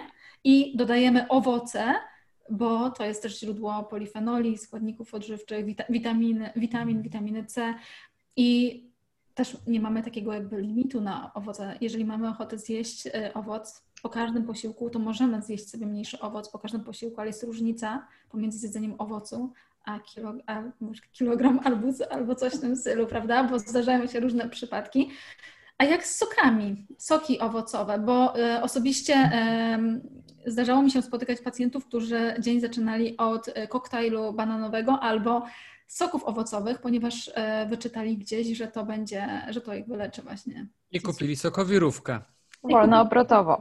Tak, dokładnie. A, I właśnie najlepiej jest, jak ktoś kupi tą sokowirówkę i po tygodniu zgłasza się do dietetyka i usłyszy od dietetyka sokowirówka, nie. Proszę oddać, jak ma pan paragon, proszę oddać. Już tyle zainwestowałem. No właśnie, właśnie, z tymi sokami, jak to jest? E, to znaczy, sok to już nie zaliczamy tego do kategorii owoce, tak? Tutaj Ale to jest świeżo wyciskany zdrowy sok. Sokowi Iwona przekonała się. Teraz to kosztowała. Jak my tak rozmawiamy, e, znaczy tutaj ma, mamy, śledzą nas osoby, które faktycznie um, są powiedzmy takimi może troszkę laikami w kwestiach, e, w kwestii diety w insulinooporności, więc musimy wytłumaczyć, dlaczego soki nie. I, to zacznijmy może od takiego obrazowego porównania. Jak chcemy zjeść na przykład pomarańcze, to trzeba być już tutaj dobrym koneserem, żeby na przykład zjeść takie trzy duże, dorodne pomarańcze. Natomiast jak robimy sobie sok wyciskany z pomarańczy, to wypicie tej szklaneczki z tego soku z tych trzech pomarańczy to nie jest dla nas problem. Ani się tym nie najemy, nie będziemy mieć uczucia sytości. Natomiast ta ilość cukru, którą wprowadzimy do na przykład jako śniadanie, no to niestety, ale wrzut glukozy insuliny będzie wprost proporcjonalny do tego, co się tam po prostu znalazło. E, do tego nie mamy błonnika, tak? Tutaj nawet najlepsza sokowirówka wolnoobrotowa nie znam tutaj specyfikacji, natomiast to i tak będzie mniej błonniczka, jakbyśmy zjedli całą tą pomarańczkę z tą skórką i ze wszystkim tym, co tam w tym schowku, w tej sokowirówce nam zostanie i co będziemy wyrzucać do, do kompostownika. Także jeżeli już chcemy takie owoce w formie jakiegoś smoothie, koktajlu, tak? bo to dla większości osób też są bardzo szybkie, wygodne posiłki, na przykład w pracy kiedy nie mają czasu zjeść, to ok, ale połączmy to na przykład właśnie z, z jakimś źródłem białka i tłuszczy, tak? Czyli weźmy sobie jakiś fajny jogurt, jakiś napój roślinny, do tego wrzućmy tego owoca, ale może niekoniecznie wrzucajmy całe mango, całego banana i jeszcze coś. Zamiast tego drugiego owoca dodajmy do tego warzywa i zróbmy sobie taki po prostu e, tutaj napój taki warzywno-owocowy. Do tego przegryźmy to jeszcze na przykład jakimś orzechem i naprawdę może być taki, jeżeli taki e, posiłek da nam sytość, pozwoli nam wytrwać w tej diecie, nawet może zastąpi nam coś słodkiego na, na dłuższą metę, no bo jednak mamy tu jakieś fajne doznania też smakowe, to dlaczego nie? Natomiast takie same soki pomiędzy posiłkami, zamiast pity, zamiast wody na przykład, to, to znowuż e, to, to nie jest ta droga. Tak? Tutaj żadna skrajność nie jest dobra, więc patrzymy, jak to fajnie po prostu tutaj wypośrodkować. Oczywiście, jak ktoś do tej pory pił e, litr soku jakiegoś pomarańczowego dziennie, to najpierw go zaczynamy redukować, na przykład do e, określonych posiłków, żeby nie pił go pomiędzy posiłkami, bo cały czas nasz organizm będzie go odczuwał jako posiłek, tak?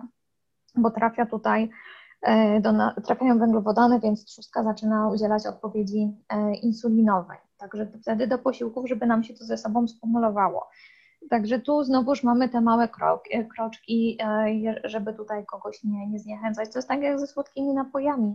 Jak pacjent przychodzi i pije 3 litry Pepsi dziennie e, i powiemy mu, to jutro już pan tego nie robi, no to niestety szansa, że nas posłucha jest dość mała. Natomiast jak mu zaproponujemy, żeby pił połowę mniej, albo chociaż pół na pół z napojami zero, no to to już będziemy krok bliżej do poprawy jego stanu zdrowia.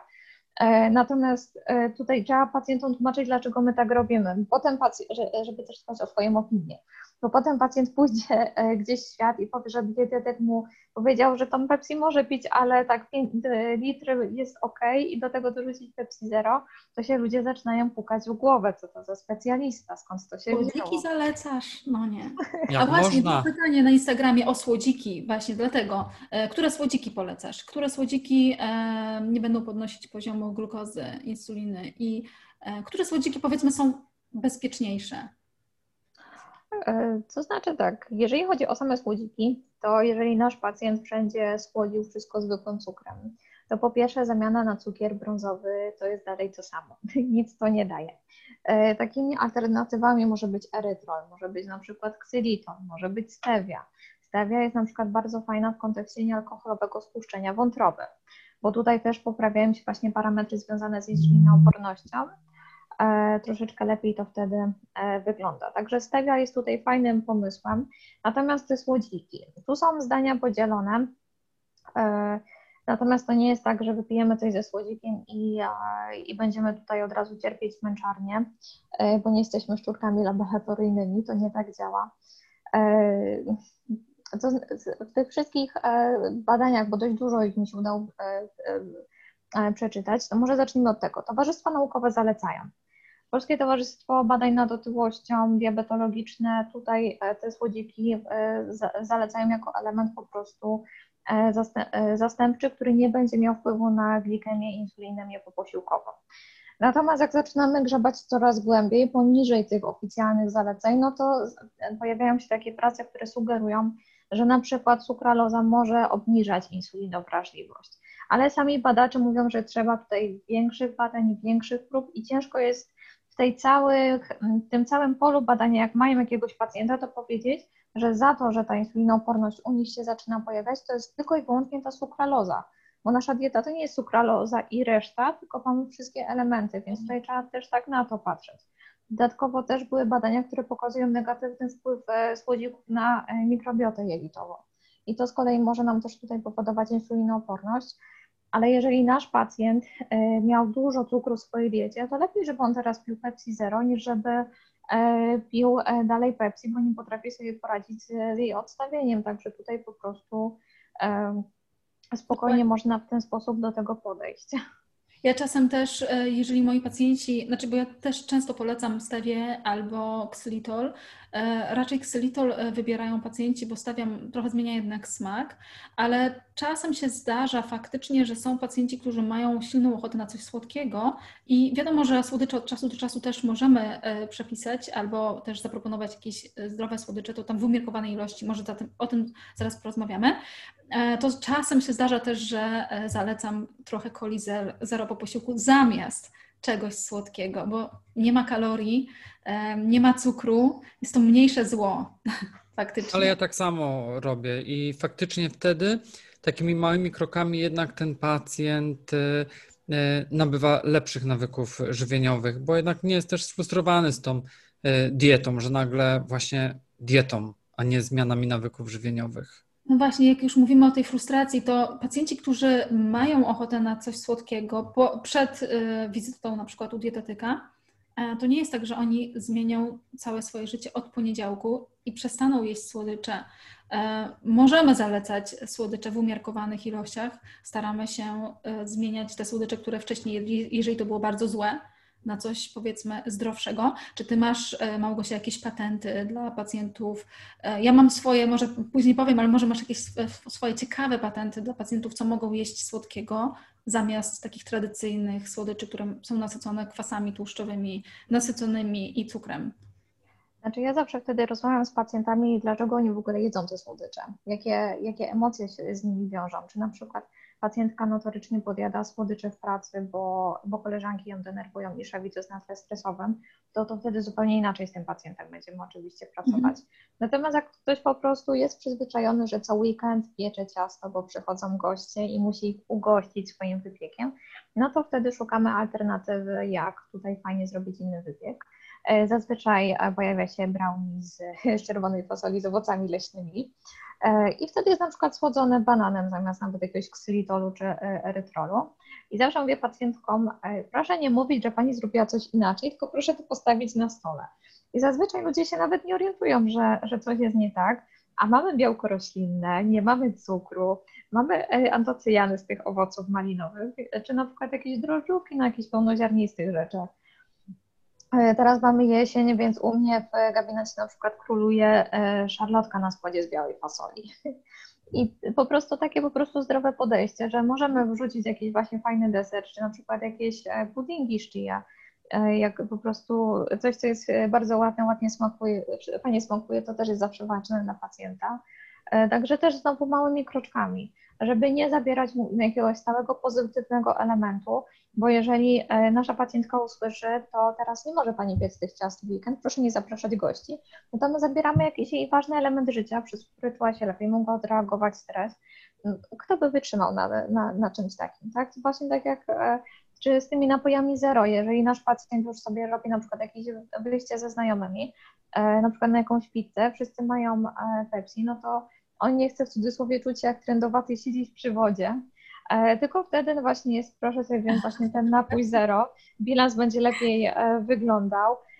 A dodatkowo wszystko będzie w porządku, czyli tego zdrowego podejścia po prostu, żeby podejmowali takie świadome wybory, dlaczego coś robią a nie tylko dlatego, że no dietetyk kazał tego nie robić i tego nie robię. Jestem nieszczęśliwy. Wiesz co, jeszcze, jeszcze jedna rzecz mi przyszła do głowy, e, bo jak powiedziałaś o tym, e, dlaczego pacjenci e, poszukują tych słodyczy, to jest super ważne. W mojej praktyce ja się często spotykam z pacjentami, którzy mają trochę, powiedzmy, niedokładnie zbilansowaną dietę roślinną, i są głodni po posiłku i dojadają słodyczami. Czyli po prostu nie mają tego białka w posiłku, na przykład nie mają strączków, mają powiedzmy ryż z sosem czy tam z warzywami, albo kaszę jaglaną z brokułem i z czymś tam jeszcze i brakuje im faktycznie tego poczucia sytości po posiłku i często dojadają jednak słodyczami. I też super pomysł z tą e, szarlotką ze spodem e, z fasoli, no bo mamy faktycznie jeszcze białko w tym posiłku i dodatkowo żelazo, tak? I doda dodamy jeszcze więcej e, błonnika.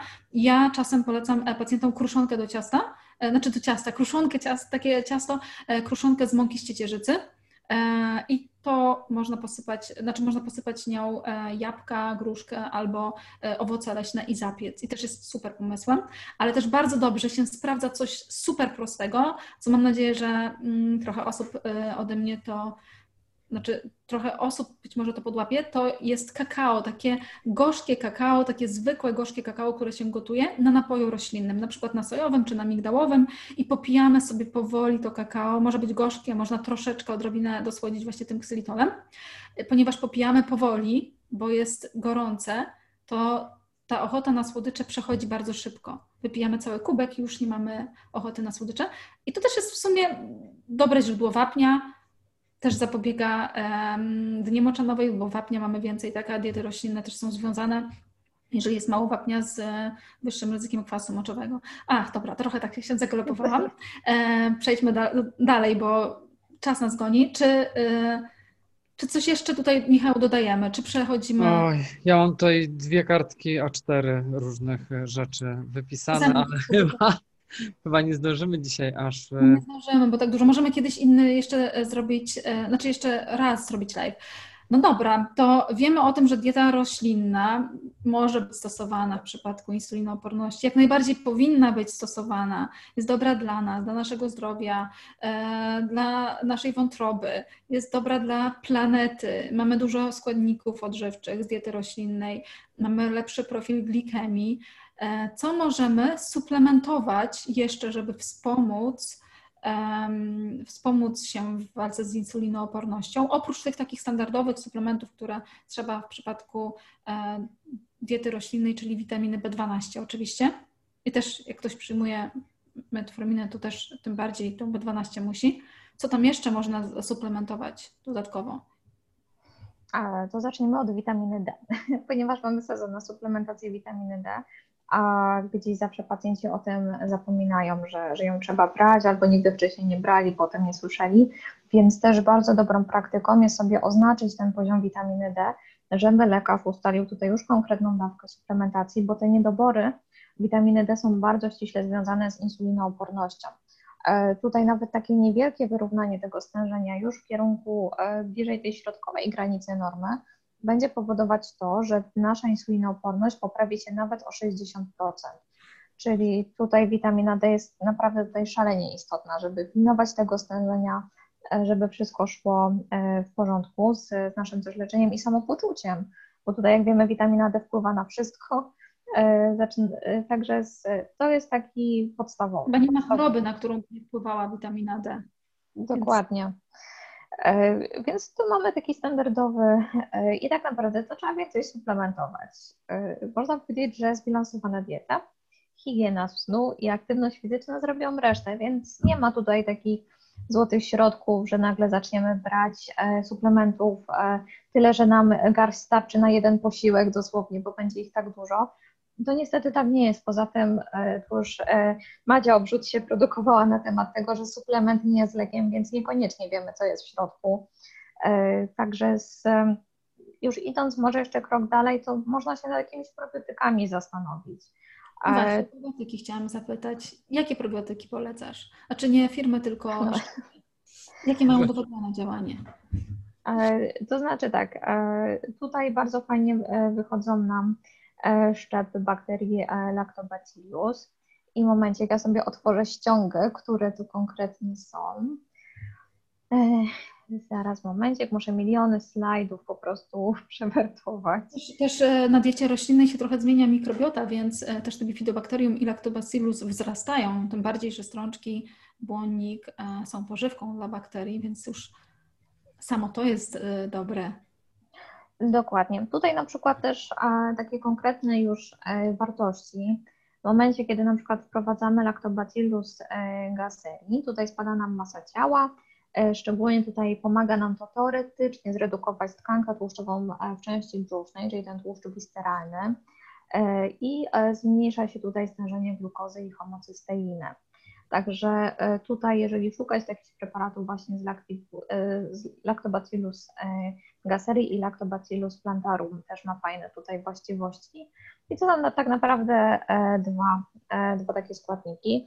Jeżeli chodzi o pozostałe suplementy, to tak naprawdę można byłoby się zastanawiać, jest tego tak dużo, jakiś e, cynamon, e, imbir, no tutaj to już tylko e, limitem są nasze finanse, które mamy i zastanowienie się, czy, czego my oczekujemy od tej suplementacji. Bo jeżeli oczekujemy, że biorąc te suplementy nie zmienimy absolutnie nic, a będziemy tracić masę ciała, nasz stan zdrowia się będzie poprawiać, no to niestety nie. Bo nawet, no chyba, że to po prostu będzie związane z tym, że wydaliśmy 2000 zł na suplementy i nie stać nas na jedzenie. No to wtedy i tak zaczniemy po prostu przymierać głodem i będziemy chudnąć. Ale to jest właściwie tyle. Nie ma takiego idealnego suplementu. Gdyby był, no to myślę, że zostałby wielokrotnie nagrodzony. A my byśmy by... nie mieli pracy. Tak, dokładnie. E, I, po prostu nie, nie, ma sensu inwestować w takie rzeczy. Zainwestujmy w czas dla siebie, e, może w jakąś psychoterapię, żeby się mniej stresować, może w jakiegoś fajnego trenera fizjoterapeutę, żeby ustalił nam plan treningowy, zobaczył, jakie mamy predyspozycje do ćwiczeń. Więc jak już mamy coś przerzucać nasze ciężko zarobione finanse, to w takie rzeczy, a nie tutaj w, w multum suplementów e, diety, bo to, że coś wyszło w jednym badaniu na grupie 50 osób, czy na przykład na na szczurach czy na liniach komórkowych, e, no to nie wyciągniemy z tego wniosków populacyjnych, że to na pewno będzie działać na nas. Także tutaj taka chłodna po prostu statystyka i e, podejście do tego witamina D, tak? E, natomiast cała reszta to są tylko jakieś tam dodatki, które możemy brać, jeżeli czujemy się przez to lepiej psychicznie, ale nie oczekujmy od tego, że te suplementy, branie tych suplementów odwali za nas kawał ciężkiej roboty w zmianie stylu życia, bo to nie tędy droga. A jak z używkami? Jak z używkami kawa, herbata? Wiadomo, że do posiłków nie powinno być ze względu na e, żelazo i cynk, na, niż, na obniżenie biodostępności, ale w normalnych porcjach e, kawa i herbata jest w porządku, prawda? W normalnych porcjach, no powiedzmy jakieś do trzech, e, czterech na dzień. A to nawet były takie wielkie badania, gdzie na przykład wypijanie 6 filiżanek kawy wiązało się z największym efektem przeciwcukrzycowym. Także jeżeli nie mamy nadciśnienia, nie jesteśmy super wrażliwi na kofeinę, to kawa jak najbardziej tak. Jest dobra dla insulinoopornych. Na gigantycznych metaanalizach, gdzie mieliśmy pół miliona y, uczestników takiego badania, y, był tutaj ten duży potencjał e, przeciwcukrzycowy, więc warto tą kawę pić.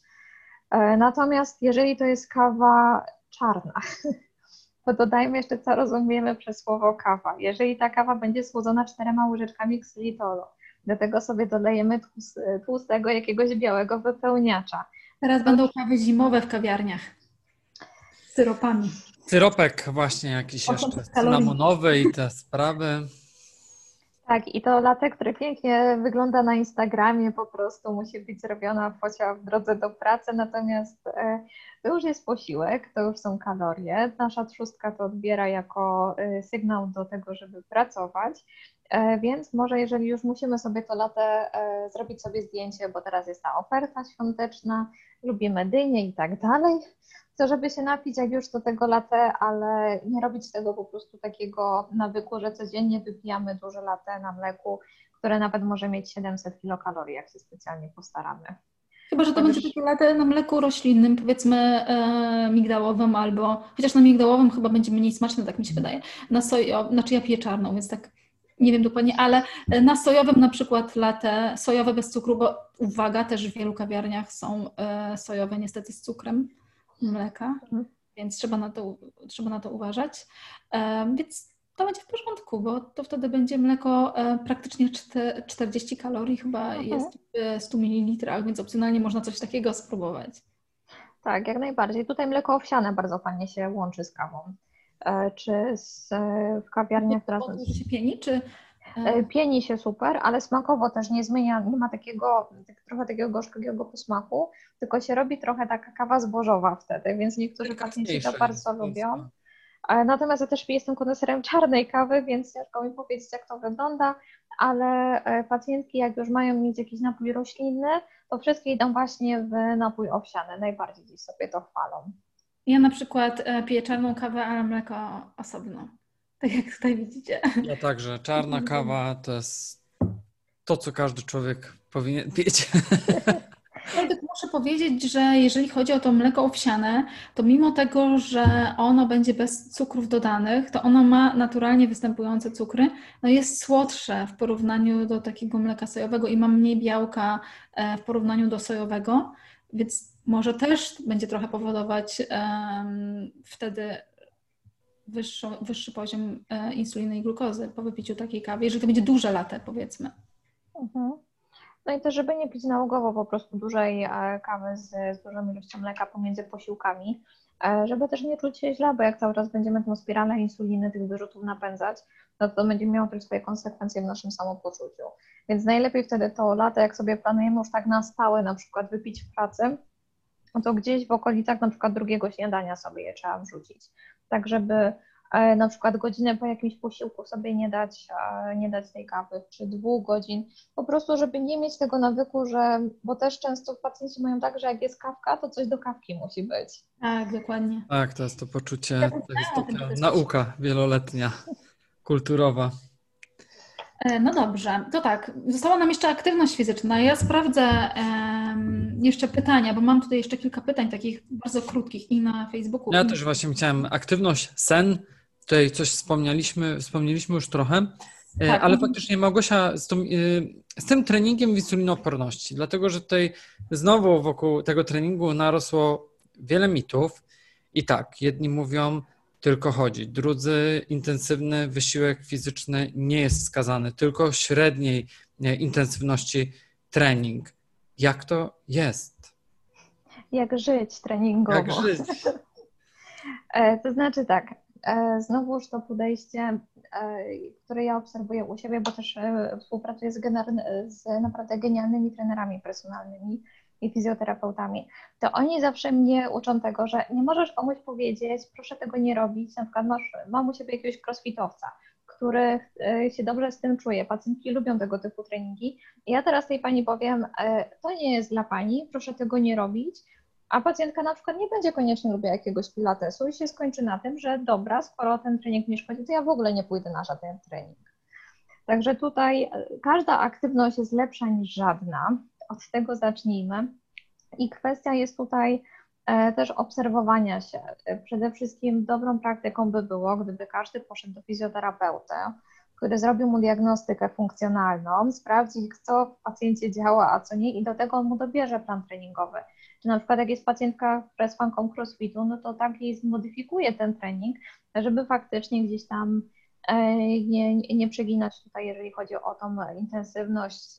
Tylko z tym też są dość, dość dużo jest tych badań, bo mamy na przykład e, trening HIT, który ma fajne e, tutaj właściwości dla insulinoopornych, a to jest też trening z większą intensywnością, tylko dobrze prowadzony. Tak naprawdę każdy trening źle zrobiony będzie dla nas szkodliwy ale nie szłabym jednak w takie podejście, że e, tylko i wyłącznie spacery są w porządku, takie, żeby, żeby pacjent przy, e, się w ogóle przy tym nie zmęczył. Bo tak, e, tak naprawdę tutaj jest kwestia tego, tak jak dietę dobieramy indywidualnie, tak trening powinniśmy dobrać indywidualnie i każda aktywność, która nas będzie motywować do tego, żeby wyjść z domu, zacząć ćwiczyć, będzie tutaj lepsza. Co więcej, jeżeli na przykład jest takie podejście, że E, na przykład mamy wieczorne ciężkie treningi, ale nie tracimy masy ciała, nie, nie ma tej redukcji, pacjenci się źle po tym czują, no to wtedy wiadomo oczywiście, że nie będziemy tutaj naciskać, żeby pacjentka te treningi siłowe na przykład kontynuowała.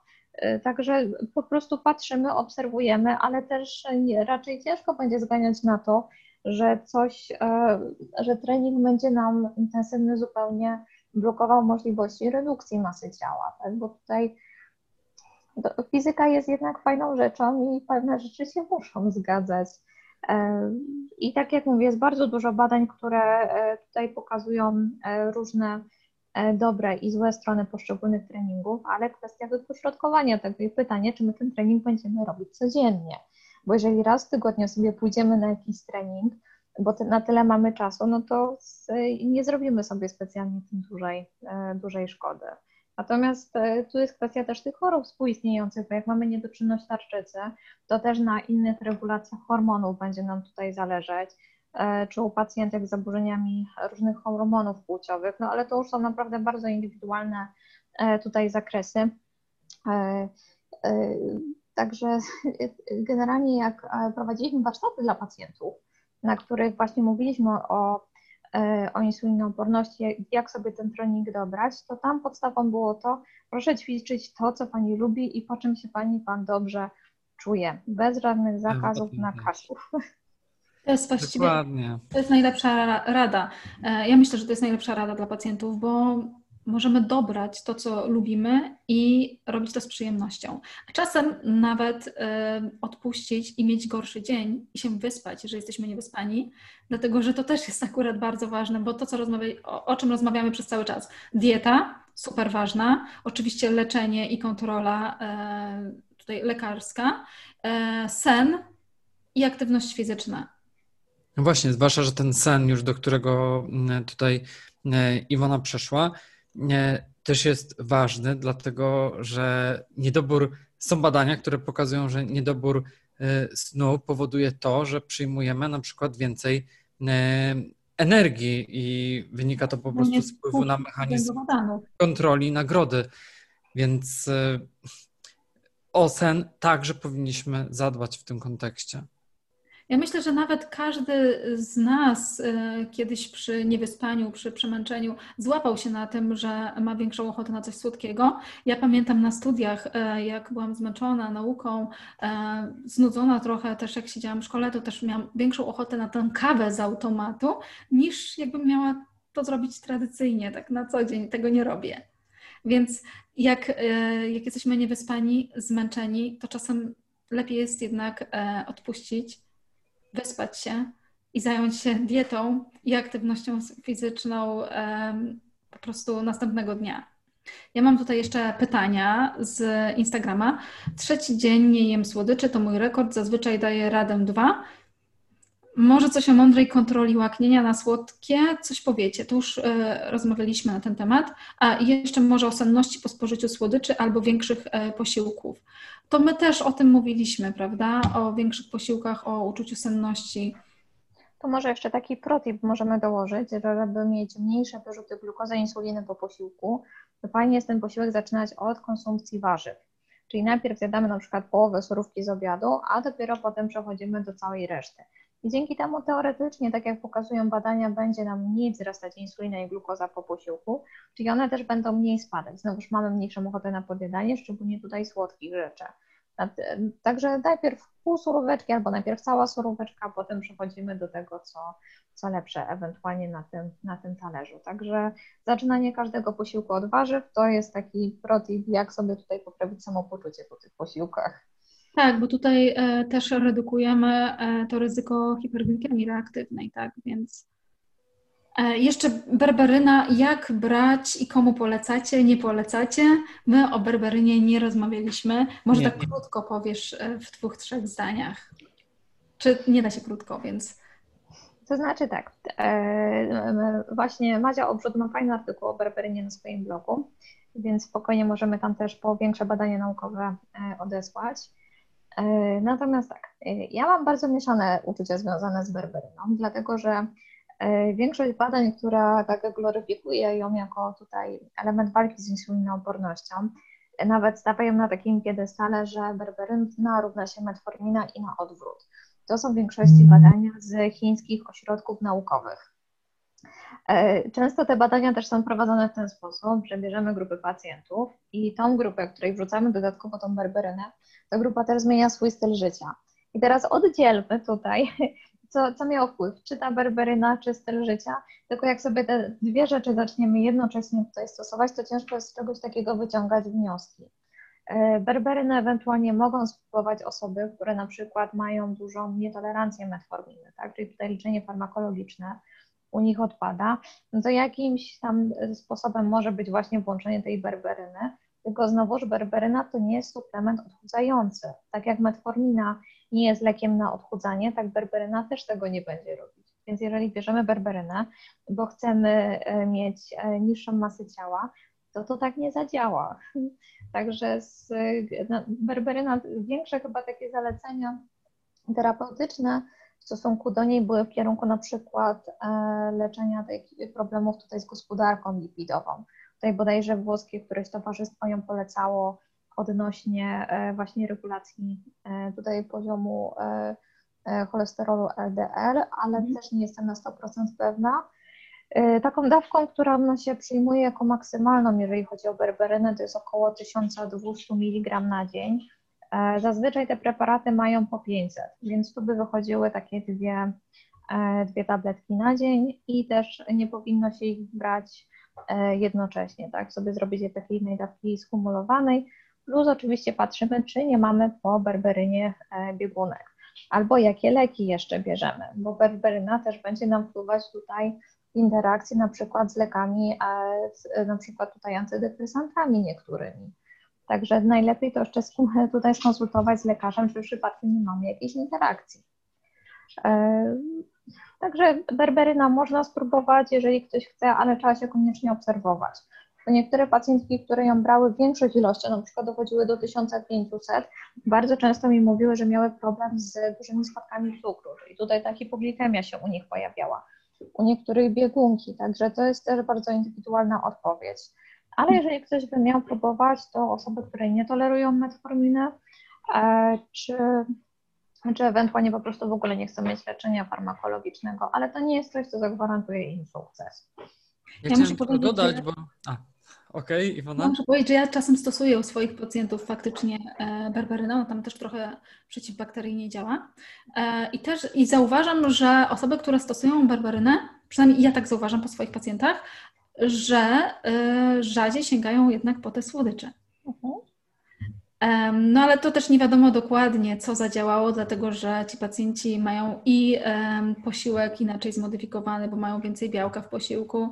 Dodatkowo mają przykładowo witaminę D i magnez wprowadzony, bo gdzieś tam magnezu brakuje i, e, no i nie da się to, tego po prostu zrobić w diecie z takiej ilości. Więc być może sama ta berberyna tutaj nie zadziałała, bo wiadomo, że działamy kompleksowo, ale ja czasem stosuję berberynę u pacjenta. Tak, to musi być taka świadoma decyzja pacjenta. Natomiast, żeby tak to każdemu rutynowo wrzucać, proszę no brać berberynę, to, z, to nie wiem. Natomiast jak pacjent chce, chce spróbować, zobaczyć, czy to jest dla niego, no to w porządku, tylko wtedy obserwujemy, czy i też ja na przykład jestem e, zwolennikiem tego, że jak pacjent chce na przykład sięgnąć po tą berberynę, to w porządku, ale najpierw zaczynamy samą dietę, jesteśmy na tej diecie dwa tygodnie, już wiemy, jak się na tym wszystkim czujemy, i dopiero potem dokładamy berberynę, żeby nie zaczynać dwóch nowych rzeczy, bo wtedy nie wiemy, co szkodzi, po czym pacjent się gorzej czuje, jakie ma progi wtedy e, głodu, sytości i tak dalej. Także tutaj e, po kolei wszystko zawsze. Ale tak jak mówię, jak pacjent chce spróbować w porządku, ale patrzymy, jakie to niesie ze sobą objawy i nie oczekujemy jednak tego, że to jest suplement odchudzający. Tak. Ja jeszcze tylko chciałem dodać, mówiłaś o tych badaniach e, naukowych, że też zauważyłem, że wiele prac mm, o berberynie są jednak na osobach z cukrzycą typu e, drugiego, a nie z insulinopornością. Jeszcze to trzeba także zauważyć. Dlatego te dawki czasami właśnie polecane w tych pracach, na przykład tak jak właśnie powiedziałaś, 1500 była taką właśnie tutaj także praca akurat e, miałem, no, może być e, za duża i mogą być te spadki hipoglikemii, o których właśnie Małgosia e, mówiła. Tak, ale też czasem biegunka może wystąpić już po 400-500 e, mg u niektórych osób. Z tego tak, to kwestia bardzo indywidualna. No dobrze, co nam jeszcze zostało? Chyba zostały nam jeszcze pytania, bo tutaj już odpowiedzieliśmy. Ostatnie pytania z Facebooka, bo czas i jest bardzo późno. E, senność po posiłkach to i ja mam. Okej, okay, to już było. Bóle głowy. Zobaczę, tutaj, tutaj, że szkoda, że nie załapałam się od początku na webinar. Ten webinar jest nagrany, więc on będzie dostępny na Spotify, iTunes i na naszym kanale na YouTubie VeggieTube, więc na spokojnie można od początku go obejrzeć. I te bóle głowy, ta senność po posiłkach to też może być właśnie związane z hipoglikemią reaktywną. E, na studiach mówiono nam o treningu HIT, że uwrażliwia tkanki na insulinę. Jakie jest Państwa zdanie na ten temat? Nie wiem, czy będziemy tutaj już się powtarzać, że ogólnie tak jak rozmawialiśmy wcześniej, że każda aktywność jest dobra i HIT jest też e, dobry. Tak, jest badania HIT, SIT, tam te aktywności fizyczne, więc Marta, tak, tak, on dobrze wychodził. Ja nawet pisałam jedną pracę na temat treningu HIT z, z kolegą, także nawet jakieś tam większe publikacje też mogę tam... To możesz najwyżej link zostawić i do poczytania, prawda? E, no to wszystko w takim razie, bo tutaj mam jeszcze ostatnie, ale to jest jakieś, to jest stwierdzenie raczej niż e, pytanie, więc w takim razie to jest wszystko. Tak jak, e, czy Michał jeszcze chciałbyś coś dodać? Nie, przeszliśmy przez wszystko, skończyli. Higiena snu gdzieś tam przeszła, jeszcze to myślałem, że o tym pogadamy, ale faktycznie już jest e, późno. No czasu, może innym razem. Pora, więc e, może w ogóle o śnie w kontekście e, stylu życia Iwona, któregoś dnia po prostu zrobimy osobny webinar. Tak, no, mam właśnie teraz pomysł już na to. Przypomnij. Dobrze, w takim razie Gosia, gdzie, gdzie Cię znaleźć w internecie? E, najprościej na razie będzie znaleźć mnie na e, fanpage'u na stronie Akademii Dietetyki Klinicznej. Tam też wrzucać ostatnio dość dużo badań na temat e, insulinooporności. Ty prowadzisz ten fanpage? Nie tylko ja. Tam jeszcze są inne jeszcze koleżanki, które tutaj też aktywnie działają, także ja jestem jedną z, ale tam najprościej mnie jest zlokalizować. Nawet ewentualnie zawsze zapraszam do, do poradni, w której przyjmuję. I na Instagramie też jeszcze chyba. Tak. Tak, tak, tak. Dokładnie. Też takie samo konto jak e, na Facebooku. Strona internetowa? E, też jest, ale akurat e, więcej wrzucamy na Instagrama i na, na Facebooka, więc jak coś, to, to tam bym raczej odsyłała. I jeszcze, jeżeli mogę, to bym miała taki wiążący apel do wszystkich, którzy nas słuchają. Gotowana marchewka nie ma wysokiego indeksu glikemicznego. Proszę jeść marchewkę, proszę się marchewki nie bać. Marchewki z zupy wyciągać nie trzeba. I ma beta-karoten. Więc jest, więc jest e, ok. No dobrze, dziękujemy bardzo. To, dziękujemy bardzo Gosia za, e, za ten dzisiejszy live i mega dawkę cennej, bardzo wartościowej wiedzy. Ten live, tak jak mówiłam wcześniej, będzie zapisany na e, Facebooku, na iTunes, na Spotify'u i na YouTubie, więc jeżeli ktoś nie zdążył teraz odsłuchać, to będzie mógł to zrobić później. A my, a my widzimy się um, następny czwartek na kolejnym live. Damy znać, e, kto będzie gościem i o czym będziemy rozmawiać e, przez, e, przez social media. Więc dziękujemy bardzo i życzymy udanej nocy. Do widzenia. Wszystkiego dobrego, dużo zdrowia.